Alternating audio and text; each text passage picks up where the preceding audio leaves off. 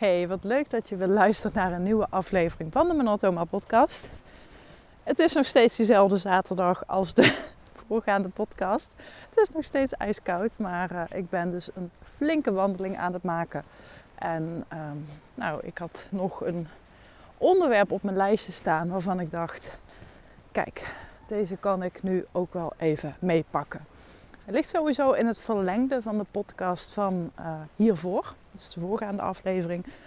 Dus heb je die nog niet geluisterd, dan is het misschien handig dat je dat eerst doet. Hoeft niet, kan ook uh, separaat van elkaar.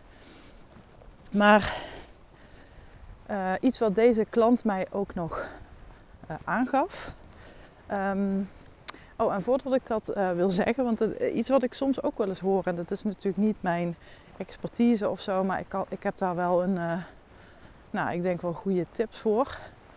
Want iets wat, wat vaak mensen aan mij vragen, of wat ik dan vaker hoor, is: ja, hoe begin ik een podcast? Of hoe maak ik content? Of uh, ja, hoe begin ik daarmee? Wat is een, wat is een makkelijke manier om, uh, ja, om dat te doen? En wat ik je dan zou willen aanraden is om een lijstje te maken. Een lijstje met dingen die je tegenkomt, die je leest of hoort en waarvan je denkt: hé, hey, hier kan ik iets mee.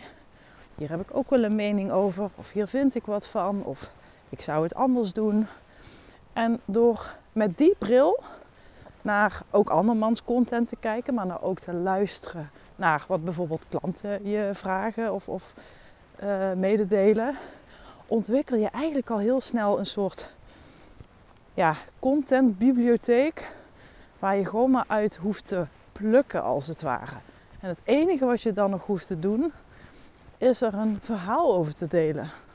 En of je dat nu schrijft of je doet het net zoals ik nu uh, inspreken, dat maakt helemaal niet zoveel uit. Maar maak een lijstje, een contentbibliotheek met relevante topics, vraagstukken, problemen, inzichten, meningen, al dat soort zaken. Dat is echt de meest makkelijke manier uh, om, ermee te, om ermee te beginnen. Even langs de hond. Um, dan als volgt, want dat is waar ik, uh, waar deze podcast, waar ik deze podcast nu wel aan wil leiden, is zoals ik net al zei, heeft een beetje verband met de voorgaande. Want wat die klant namelijk ook aangaf, en ook dit is een heel heikel punt wat veel ondernemers voelen en ervaren en vinden. Ik ben daarin niet anders. Ik heb dat jaren geleden toen ik begon, keek ik er ook zo naar. Maar goed, wijsheid komt met de jaren. en ik kijk er nu dus anders naar. Die opvatting, of die, ja, wat, wat deze klant in ieder geval tegen me zei, is: Nou, als ik me ga uitspreken, dan ga ik ook mensen uitsluiten. En ik ben bang om mensen uit te sluiten. En ik ben misschien nog wel banger om me uit te spreken. Hoe kijk je dan naar? gaf ze aan.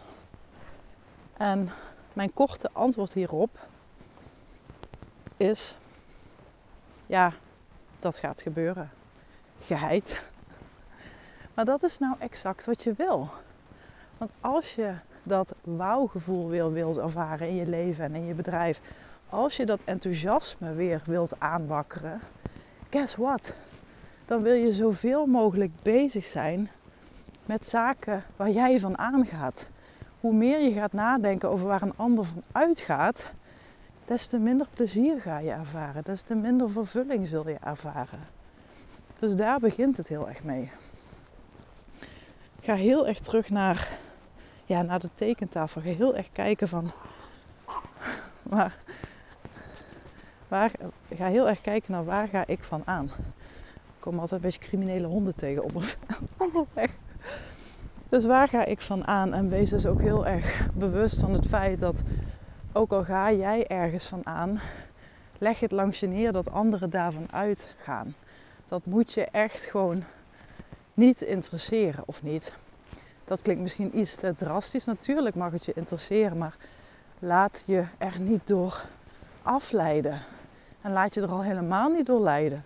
Want als je alleen maar bezig bent met anderen te dienen, Ja, waar ben je zelf dan in dit verhaal?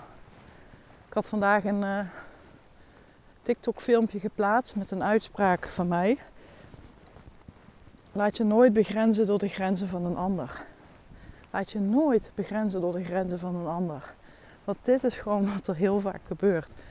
Ook ik krijg regelmatig opmerkingen over, nou is dit nou nodig? Of moet je daar zo over uitspreken? En um, uh, ja, ik, ik, ik, weet nu even niet exacte omschrijvingen, maar het is oké. Ik, ik, ik weet dat ik daarmee gewoon een bepaald iets in ze, in ze triggert.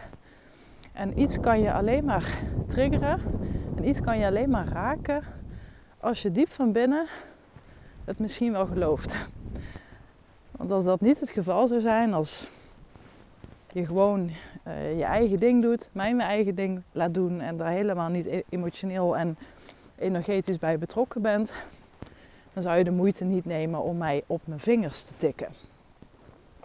En als ik al die keren dat iemand vindt dat ik wat moet indammen, of dat iemand vindt dat het niet nodig is, of dat iemand vindt dat ik het uh, veel uh, um, zachtaardiger moet zeggen, of iemand die vindt dat ik me niet moet uh, uitspreken over bepaalde zaken of dingen ja, dan heb ik wat te doen.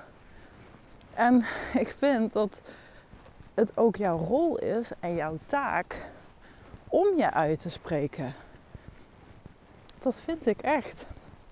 nogmaals, als je alleen maar bezig bent met anderen te pleasen en alleen maar aan het nadenken bent over waar een ander van aangaat, dan ga jij uit en je wilt het omdraaien. Je wilt liever de mensen uitsluiten die daar niks mee kunnen, zo so be it. Maar dan ga je er tenminste zelf wel van aan.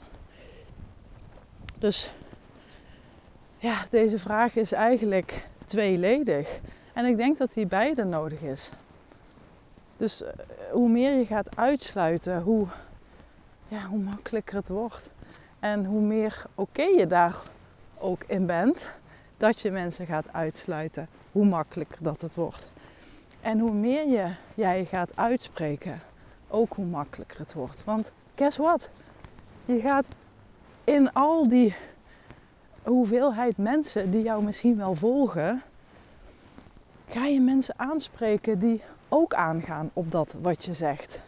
En kan het jou dan schelen dat er van de tien drie bij zitten die er iets van moeten vinden en die het dus ook als hun taak zien om jou op je vingertjes te tikken. For God's sake. Als je daar niet tegen kunt, ja, dan moet je denk ik niet eens gaan ondernemen. En dat klinkt, dat klinkt misschien een beetje hard.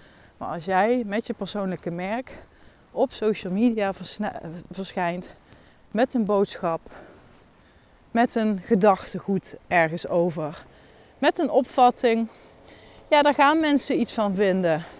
En ik denk, eh, al zou je de, de, de next Dalai Lama zijn, dan nog gaat er iemand zijn die wel iets van je vindt. En ik denk dat alleen mensen, nee, dat denk ik niet. Ik corrigeer mezelf direct even. Want zo is het nou eenmaal. Alleen mensen die onder jou staan, die vinden het vaak nodig om je te demotiveren. Mensen die boven jou staan, die zullen jou juist motiveren. Dit is echt de mindset van wat ik succesvolle mensen vind.